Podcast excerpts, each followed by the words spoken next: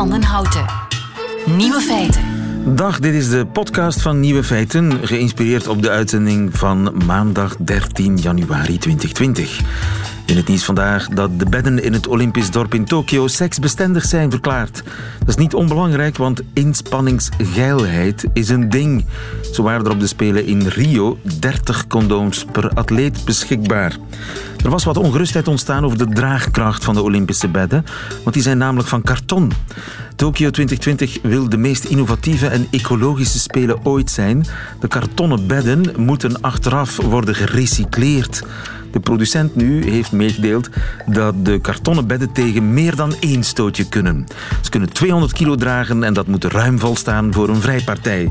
Liet een woordvoerder weten tenminste, als de atleten zich beperken tot een 2-in-1 bed situatie.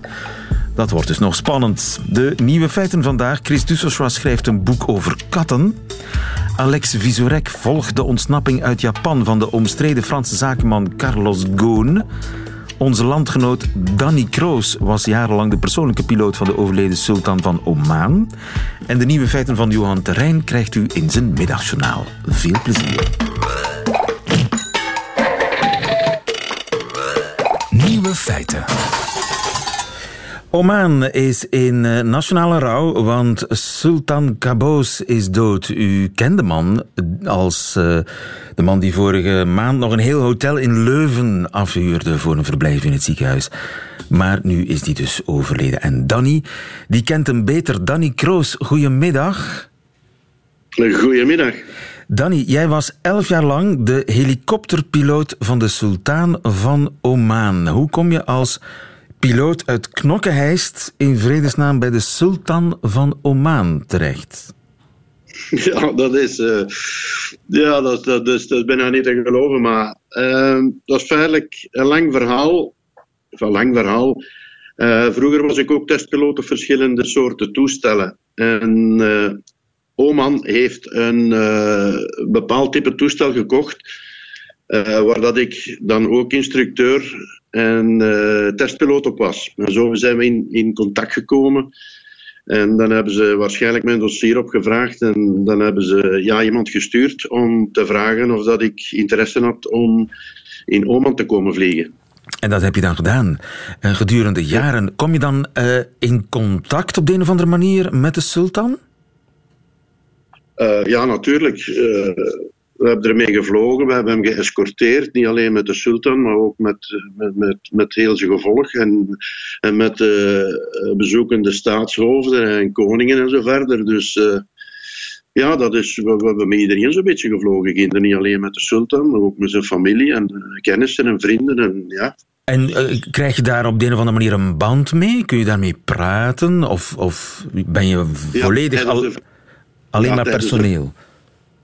Eh, nee, uh, hij, hij, staat open voor iedereen. Hij wordt wel een beetje allee, overbeschermd door zijn entourage natuurlijk, voor de veiligheid. En, uh, maar nee, nee, hij is open voor iedereen. Hij wil met iedereen spreken. Hij heeft ook met ons gehad tijdens, vlucht, tijdens de vlucht. Gaat dat niet natuurlijk, want dan moeten we ons concentreren op andere dingen. Maar na de vlucht of voor de vlucht ja. komt hij altijd praten. Ja. En waar praten jullie dan over? Ja, hoe dat het is en we nog tevreden zijn. En uh, ja, een beetje over alledaagse dingen feitelijk. Ja. Nee, het is een heel, heel, sympathieke, heel sympathieke man. Je gaat hem herinneren als een sympathieke man? Uh, sympathiek, uh, eerlijk en ja, een, een, hele, hoe moet, ik, hoe moet ik het uitleggen, een, een, een hele rechtschapen man ook. Dus voordat hij een beslissing nam, dan hoorde hij alle partijen. En dan nam hij uiteindelijk de beslissing. Dus het is feitelijk een, er wordt ook op handen gedragen, geen Oman. Hij uh, heeft ook heel veel voor zijn volk gedaan. Het is feitelijk een man van het volk en voor het volk feitelijk. Ja. Ik denk wel dat ze dat gaan missen in Oman. En had hij nog veel contact met het volk? Want ja, hij woonde redelijk luxueus, hè? Maar luxueus. Uh, hij, wordt, hij, hij woont afgeschermd. Uh, ja, hij, hij, had zijn paleis. Uh, ook nog van, van, van, de, van, zijn van zijn vader nog van vroeger. En zijn moeder hij heeft overal zo nou, toch twee, drie paleizen waar dat hem zat. Maar luxueus, ja, dat is natuurlijk, je moet ook afgeschermd. Want je zegt, ook, ook voor mensen die met slechte bedoelingen natuurlijk. Hè. Dus het is wel. eh, het Midden-Oosten, daar is. eh, in Oman is het heel stabiel, want hij zorgde zo'n beetje voor de vrede tussen al de buurlanden. Hij heeft dan ook de, de oorlog in de tijd van tussen Jemen en Saudi-Arabië heeft hij ook eh, kunnen beëindigen. Hij, heeft ook, hij is ook de praatpaal geweest tussen Iran en, eh, en de US. Hij, is ook heel, hij was ook heel westerlijk, allez, westers gezind. Hij heeft gestudeerd in Oxford. Dus eh, ja, ik, ik moet zeggen, ik had niet het gevoel, ik had een thuisgevoel in Oman. En dat is zo, de mensen die me daar bezocht hebben, vrienden, familie, die hebben allemaal datzelfde. Als je daar zo een week, twee weken zit, heb je zo een, een, een familiegevoel, een thuisgevoel. Ja. Hij leefde heel erg afgeschermd. Hij had meerdere paleizen. Eh, eh, hij had toch geloof ik twee Boeings? Ja, twee Boeings ja, en, eh, en wat vliegtuigen, wat helikopters. Hè. Ja. Superjachten. Kwam hij ook wel eens onder de mensen? Ja. Als zij, eh, we hebben rondgevlogen, in Oman natuurlijk, eh, gingen we regelmatig, eh, trok hij rond om eh, de mensen te kunnen spreken. Dus dan ging hij bijvoorbeeld ergens een verblijf eh, naar het zuiden, naar Salalah, dan bleef hem daar enkele weken en dan ont, eh, elke dag ontvingen dan mensen, niet alleen burgemeesters eh, van de dorpen, maar ook de mensen die hem wou spreken. Als natuurlijk, ja, je kunt natuurlijk niet eh, zoveel miljoen mensen zien op een week tijd, maar hij trachtte toch altijd voor iedereen, alleen met iedereen te spreken ook. Ja. Maar naar het schijnt ging hij zelfs incognito de straat op. Klopt ja, dat? nee, dat eh, ja, ja eh, dat klopt. Ja. Dat is, ik heb een zus tegengekomen. Ik zeg, maar dat is precies mijn baas. En het was hem ook. Was, eh, ja, was hem incognito, was hem vertrokken. Met zo'n oud versleten bu- busje. En eh daar ging hem onder het volk. Met En, een eh, camionet? ja, met zo'n oud versleten camionetje op, op, op sterven na dood. Eh, en dan reed hij rond. En dan Zelf aan stuur toch niet? Ja, ja, ja. ja. Dat is... ja, ja, ja. Dat is... ja, ja, dat was er dan. veel mensen zeiden: God, jij, jij zei precies, jij, trekt heel hard op onze sultan. En hij antwoordde dan zo: Ja, dat hebben er al, ik weet niet hoeveel tegen mij gezegd, zegt, dat ik hard op de sultan eh, lijk. Dus ja, dat was wel. Dat typeert hem typisch feitelijk. Allee, dat hem echt onder de mensen was zijn. Dus, eh, En dan droeg hij andere kleren of zo. ja, kleren, kinderen, algemene klederdracht, dat is een hè, dat is zo een wit kleed. Dat draagt iedereen. Dat draagt hij ook als sultan. dat draagt iedereen. Kinderen, ja, officieel dingen hebben die andere kledij aan natuurlijk. Eh, met goud afgebiest, ook de ministerskinderen. Maar eh, gewoon eh, de nationale kledij is een disdas. Hè. Dat is, eh, dat is, dat is zo'n wit kleed. En dan eh, ging hij achter het stuur zitten van een versleten eh, bestelwagentje. En dan eh, reed hij rond in de stad om gewoon eh, een eh, theetje te drinken of een koffietje te drinken. En te praten met de mensen. Ze droegen hem op handen, de Oman... Hoe zeg je dat? De Omanis? De Om Omaners? Ja, Omanis, ja. Ja, ze droegen hem op handen. Ja. Hij heeft heel veel voor zijn, voor zijn land. Hij heeft feitelijk Oman op de kaart gezet ook. Ja. Als je vroeger, eh, in de jaren 70, dat is nog allemaal niet zo lang geleden. Dat, dat, dat was bijna, dat, lag, dat lag nog geen kilometer asfalt. Als je dat nu ziet, de banen, de wegen, eh, dat is dat beter als, als hier bij ons in België. Hè. Ik, eh, Maar goed, een, een democraat was het niet, hè? Eh, het is te zeggen, eh, democraat, eh er zijn ook parlementen, er zijn ook verkiezingen, er zijn ook vrouwelijke ministers, die werden gekozen door het volk. Maar hij had natuurlijk altijd het laatste woord. Als die er niet aan uitkomen, of die, die waren niet akkoord met bepaalde wetten, dan gaf hij zijn zegen erover.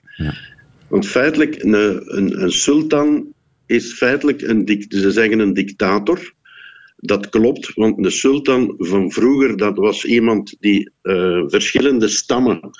Dus elke stam had zijn stamhoofd vroeger in die contraien. En hij heeft die dan ondergebracht onder zijn bewind.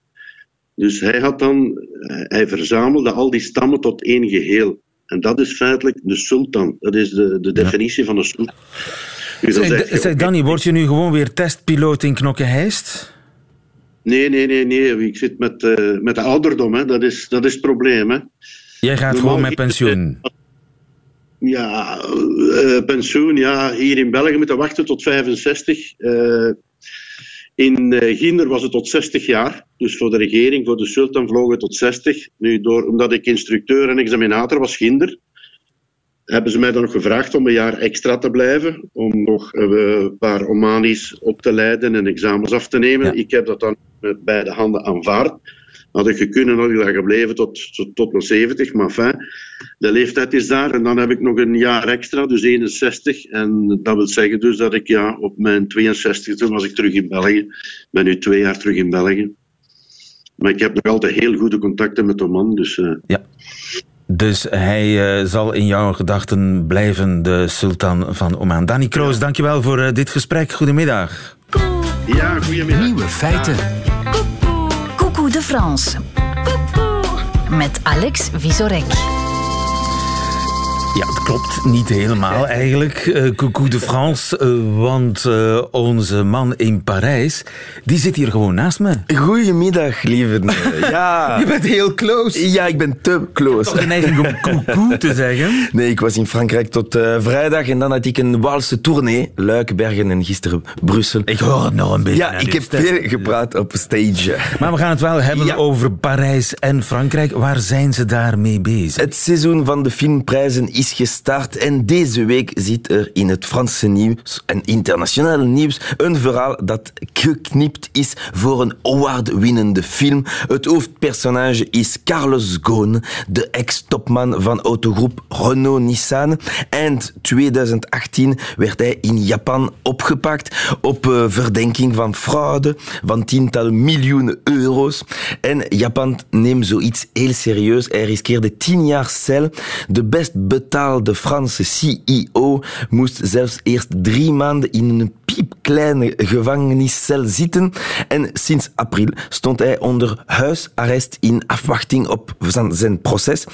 Het was simpel, hij mocht Japan niet verlaten wanneer plots. C'est un improbable coup de théâtre et c'est l'information de la nuit. Carlos Ghosn a fui le Japon pour trouver refuge au Liban. L'ex-patron de Renault-Nissan était en résidence surveillée hij is gevlucht. Ja, op oudjaarsavonds is Carlos Ghosn naar Libanon gevlucht. Waarom Libanon, uh, zul je denken? Omdat Ghosn drie nationaliteiten heeft. Frans, Braziliaans en Libanees.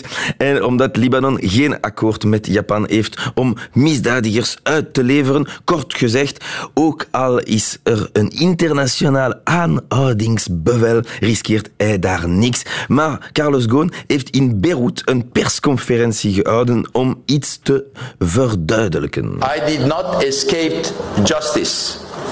I fled injustice. Ja, hij is niet gevlucht voor de wet. Hij uh, is gevlucht voor Injustice, onrechtvaardigheid. Wat een punchline. Hij staat niet boven de wet, maar voor veel Fransen is de gerechtelijke kant niet meer zo belangrijk, want sinds twee weken is Carlos Ghosn le fraudeur veranderd in Carlos Ghosn, de bekendste voortvluchtige. En dat fascineert heel wat journalisten. C'est un magouilleur qu'il est arrivé, il a pompé de la thune et tout, et le gars, il arrive à s'évader d'un pays comme le Japon. Il y a une espèce de, j'ai une espèce de, de fascination pour ce type qui est comme un mafieux, quoi. C'est een magouilleur. Wat is een magouilleur? Schoemelaar, zegt men dat? Een schoemelaar, absoluut. maar nu wordt hij een, een soort mafieuze held, zegt die journalist. Ja, want uh, het is een spannend verhaal. Hoe, hoe kon de bekendste verdachte van Japan het land anoniem verlaten? Hoe kon hij internationaal vliegen zonder paspoort? Want zijn advocaten hebben zijn paspoort in bewaring. Er was een gerucht dat er een band bij hem thuis was gekomen spelen en dat hij in de koffers van een van de muzikanten ontsnapt is. Maar de realiteit blijkt minder spannend. Op een middag is hij uit zijn appartement gekomen met een pet en een mondkapje. Uh, hij heeft de trein richting een hotel in Osaka genomen en rond vijf uur zijn er twee mannen in het hotel gekomen met een grote zwarte koffer. Foto's circuleren van een koffer met gaatjes erin. Om te jommeke. Ja, te kunnen. Jommeke, zeker. En uh, wat goed voorbereid was, Osaka is een van de Japanse luchthavens die geen grote scanner heeft om zulke grote koffers te onderzoeken. Zo is Carlos Ghosn onzichtbaar met een privéjet kunnen vluchten richting Turkije en dan door naar Libanon. Uh, in het Frans is een koffer une malle. En dat is wel toepasselijk, want een uitdrukking se faire la malle betekent ontvluchten. Aha, ja, malle. een peu de vocabulaire. Dat is eh, wat de pers verzameld heeft, want Carlos Ghosn heeft niks daarvan willen bevestigen. En het is eh, niet dat mijn collega van France Inter, Lea Salamé, niet geprobeerd heeft. Ze is deze week naar Beirut gevlogen om Ghosn zelfs te kunnen interviewen. En dat interview is fel becommentarieerd op eh, internet, want de Linda de Wien van Frankrijk was bijzonder gefascineerd door de fraudeur. Votre évasion fascine absolument le monde entier. Pour beaucoup d'enfants, vous êtes l'homme qui a voyagé dans la malle. Oui. Vous avez vraiment voyagé dans la malle? Ah, ça, vous, vous m'en demandez trop. Je vous dis, je n'en parlerai pas. Hij wil het niet zeggen. Eh, L'homme qui a voyagé dans la malle. Voor veel kinderen bent u die man in de koffer. Eh, ja, maar eh, ik wil eh, vooral duidelijk maken aan kinderen, reis toch niet in een koffer. Don't try this at home. Exactement. Carlos Ghosn zal niks willen loslaten, maar natuurlijk kon een goede onderzoeksjournalist het daar niet bij laten. On montre des photos de ma- d'une malle trouée. C'est c'est des, c'est des on fausses peut- photos Alors attendez, au départ, on avait raconté comme quoi une bande, euh, un orchestre était venu à la maison chez moi, euh, fêter Noël, qu'on m'avait mis dans une autre, qu'on est parti. Ja, veel wijzer worden we niet. Nee, nee, zijn die foto's van de koffer echt of niet? Wel, er is sowieso zoveel gekke theorieën rond zijn ontsnapping. Meer wil hij niet zeggen. Ce que je peux vous dire, c'est que les choses les plus efficaces sont toujours les plus simples, et ce sont les plus rapides, et ce sont celles qui marchent. Et ça a été le cas, je m'en félicite, je revis. La malle, pas la malle Allez, un petit indice. Tout le monde rêve de savoir ça. La mal, pas la mal. Met koffer, zonder koffer. eh, Iedereen wil het Eh, weten. We zullen het niet weten. Iedereen droomt om dat te weten te komen, insisteert Lea Salamé. Maar ik vrees dat wij de waarheid pas zullen te weten komen als het verhaal in de filmzalen komt, want dat zit er echt in. C'est vrai que Netflix vous a approché? Oui.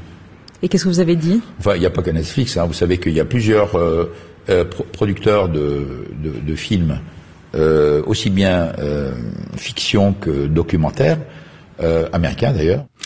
Veel producers hebben hem gecontacteerd en hij heeft bevestigd dat het zou wel kunnen dat er ooit een film komt over eh, zijn eh, histoire. zal wel een titel hebben. Ja, ah, ik, ik, ik, ik zal twee titels ehm, voorstellen. The Great Escape 2 of Carlos Ghosn with the Wind. Carlos Ghosn with the wind. Ik vind die laatste beste. Dankjewel. Bedankt. En tot volgende week, maar dan weer rechtstreeks vanuit Ja, Parijs. ik ga Dankjewel, Alex Vizorek. Lieven van den Houten.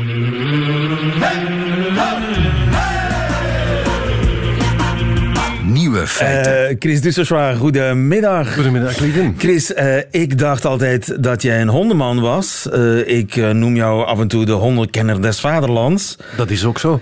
Blijkt dat jij ook alles over katten weet. Wel, alles is veel gezegd, maar toch meer dan ik tien jaar geleden wist. En ik vind de hele indeling tussen hondenmens en kattenmens vind ik eigenlijk een beetje bij het haar getrokken. Je hebt nu zelfs een eh, boek over katten. Ja. Dat heet eh, Niet honden zoals ze echt zijn. Maar katten zoals ze echt zijn. Is En ook- dat jouw kat op de cover? Nee, eh, maar dat is wel een eh, interessant verhaal. Ik moest heel ver rijden om die kat eh, te kunnen fotograferen. Ik wou de oorspronkelijke kat, zoals die eh, heel lang eh, ge- eruit heeft gezien, eeuwen en eeuwen eigenlijk, namelijk een grijze getijgerde kat. Er is een oerkat en dat is een tijgerkat. Een grijze getijgerde kat. Voilà, eh, die lijkt ook het hardst op de, op de wilde versie. En het vreemde is, lieven, dat we die tot in de middeleeuwen onder ons hebben gehad. Tot in de middeleeuwen was er enkel één soort kat te krijgen. En dat was de grijze getijgerde. De, rosse kat, de, de rosse kater bestond niet. Nee, en dat is pas veel later. Zwart-wit gevlekt? Eh, wel, kijk, eigenlijk zit het zo. Elke kat is grijs getijgerd. En als hij dat niet is, dan is hij zwart. En als hij niet zwart is, eh, dan komen er allerhande kleurengenen aan rommelen. Witte genen, rode genen, eh, verdunningsgenen die hem grijs maken enzovoort. En daarom je die grijze tijgerkat op de, op de de, cover. Ja, en daarvoor moest ik heel ver rijden, want je, kunt een hond naar de fotostudio laten komen, zo gezegd. Dat vindt een hond niet erg. Maar een kat uit haar natuurlijke omgeving halen, dat is voor veel katten al een kleine traumatische ervaring. En om die ervaring zo aangenaam mogelijk te maken, ben ik dan maar gewoon naar Brugge gereden, op en af. Zie daar het verschil tussen kat en hond. En zie daar ook het verschil vaak tussen kattenmensen en hondenmensen. Mm, Ja, maar ik denk toch dat dat een klein beetje bij het haar eh, gesleurd is. Je Eh, moet niet kiezen. Nee, eh, en er zijn trouwens heel veel mensen die niet kiezen. Want ik weet zeker, als we nu eh, zouden beweren dat er katten- en hondenmensen zijn, daar komen er, dan komen er honderden foto's binnen van luisteraars eh, die een fotootje hebben genomen van hun hond en kat die samen gezellig in de mand slaan. Ja, maar er zijn grote verschillen tussen katten en honden. Ik, weet er, ik heb nergens verstand van, zeker niet van dieren. Maar ik denk, een kat is veel onafhankelijker, eigenzinniger, niet te temmen, veel minder mensenvriend. Eh, dat zijn toch een hoop clichés Ja, eh, die je eh bijeenbrengt. Ik verzamel ze. En tja, niet te temmen, dat, dat klopt totaal niet. Je kunt katten perfect temmen. Je kunt, je kunt katten trainen om te komen, om pootjes te geven, om te gaan liggen. Dat is allemaal mogelijk. De meeste mensen beginnen daar niet aan, omdat ze net als jij denken van ach, het, het loont de moeite niet, het zal me nooit lukken. Wat helemaal niet waar is. Maar een kat, luistert die naar haar naam?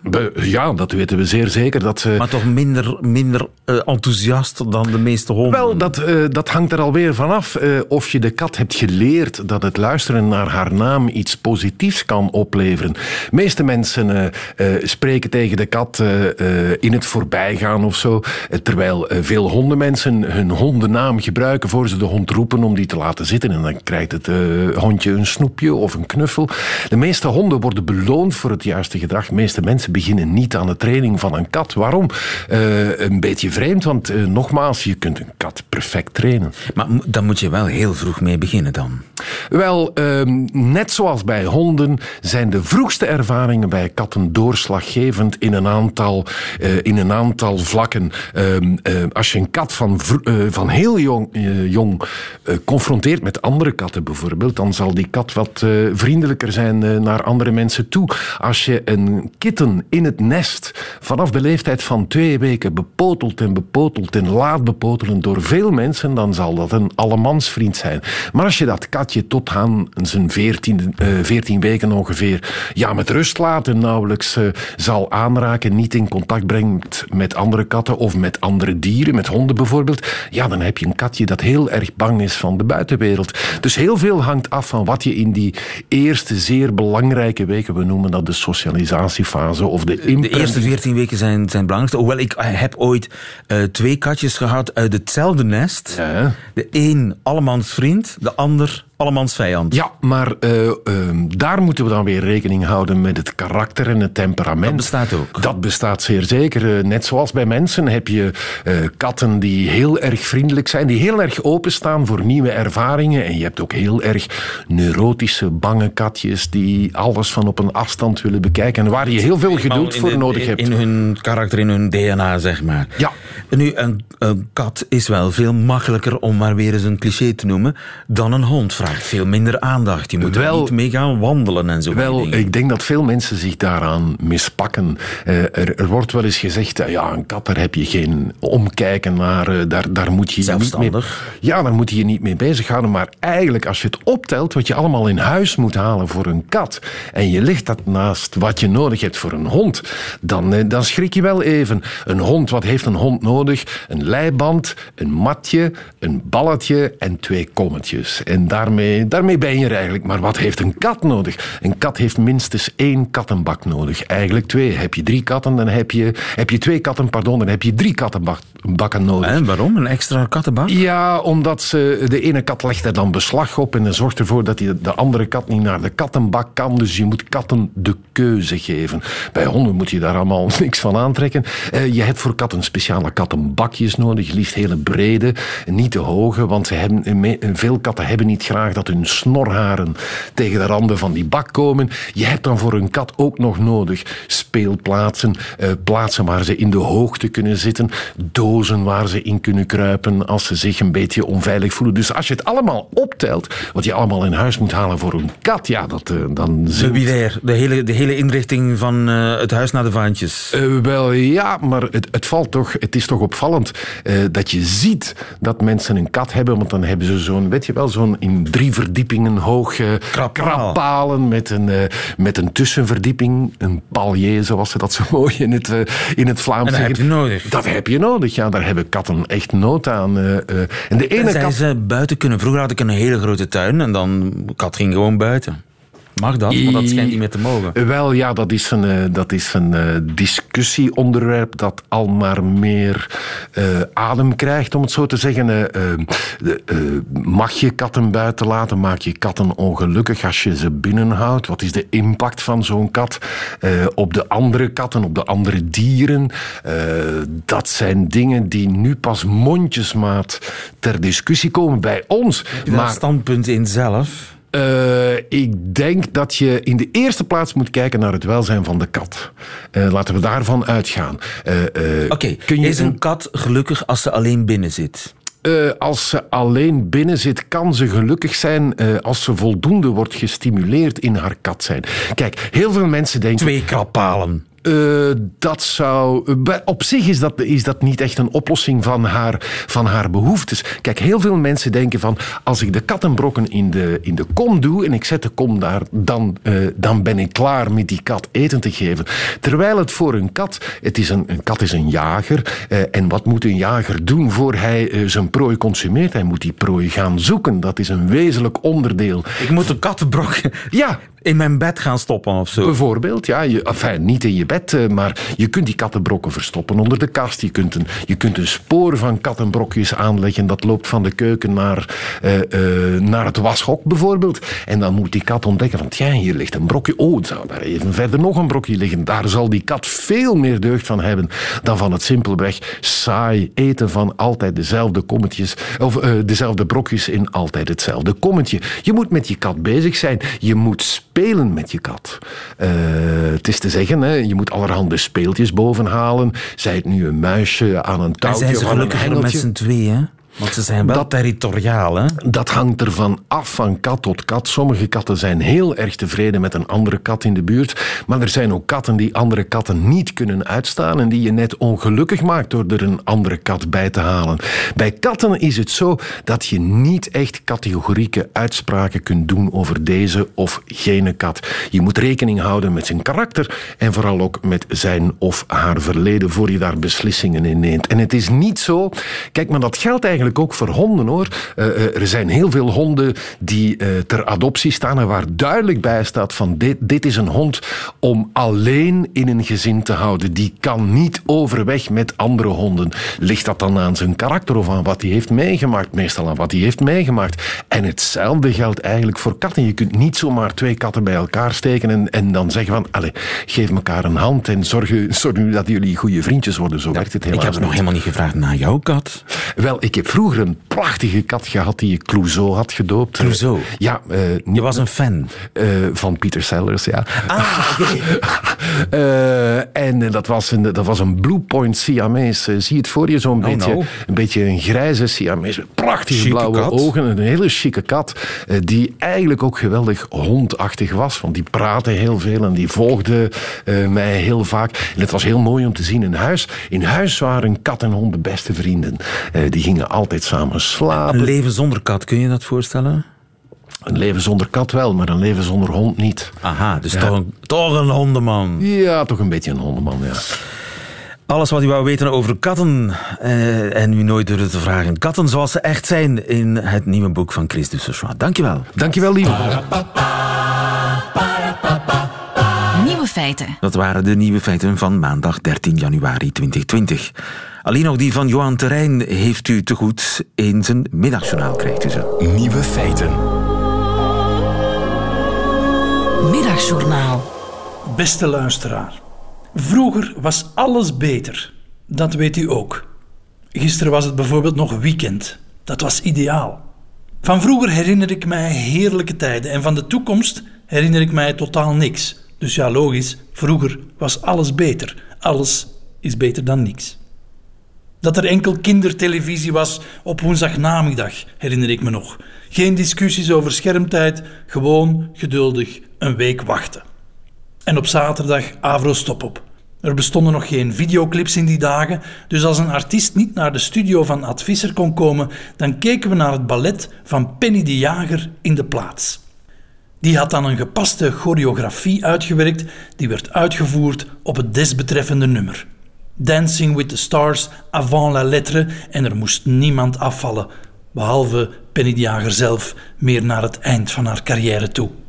Ik was zes jaar, droeg nog pyjamaatjes en natte haartjes en ik keek vol bewondering naar de sensuele danseres. Af en toe danste ik mee voor de tv en trok ik net als Penny mijn pyjamabroekje tot tussen mijn bilnaad. Er was hilariteit in de huiskamer en zo leerde ik aandacht te krijgen door op een podium te springen. Gelukkig ben ik nadien mijn verbaliteit nog wat gaan ontwikkelen, want mijn billen zijn intussen al wat van hun glans verloren. In de vooravond kookte ik dan in mijn speelgoedkeuken voor mijn broer en zus die op mijn kamer kwamen eten. Ik herinner me nog dat ik eens gezouten pinda's had gekookt in water. Dat vonden ze niet lekker en dat lieten ze ook merken. Ik zei: Ik kan wel koken, je moet het alleen lusten. Nee, vroeger was alles beter. Gisteren bijvoorbeeld heb ik nog lekker gegeten, vandaag alleen nog maar een boterham. Ik herinner me dat ik als student ooit een fles wijn heb opengedaan zonder kurkentrekker met de rem van mijn fiets. Daarmee had ik de kurk gewoon de fles ingeramd. Tikje onhandig, maar toen kon dat nog. Nu zou ik daarvoor al naar het station van de Velocus moeten lopen om een fietsrem te vinden, om daar dan te ontdekken dat er gewoon een draaistop op de fles zit. Nee, neem het van mij aan, vroeger was echt alles beter. Want van wat nog later komt, heb ik geen enkele herinnering.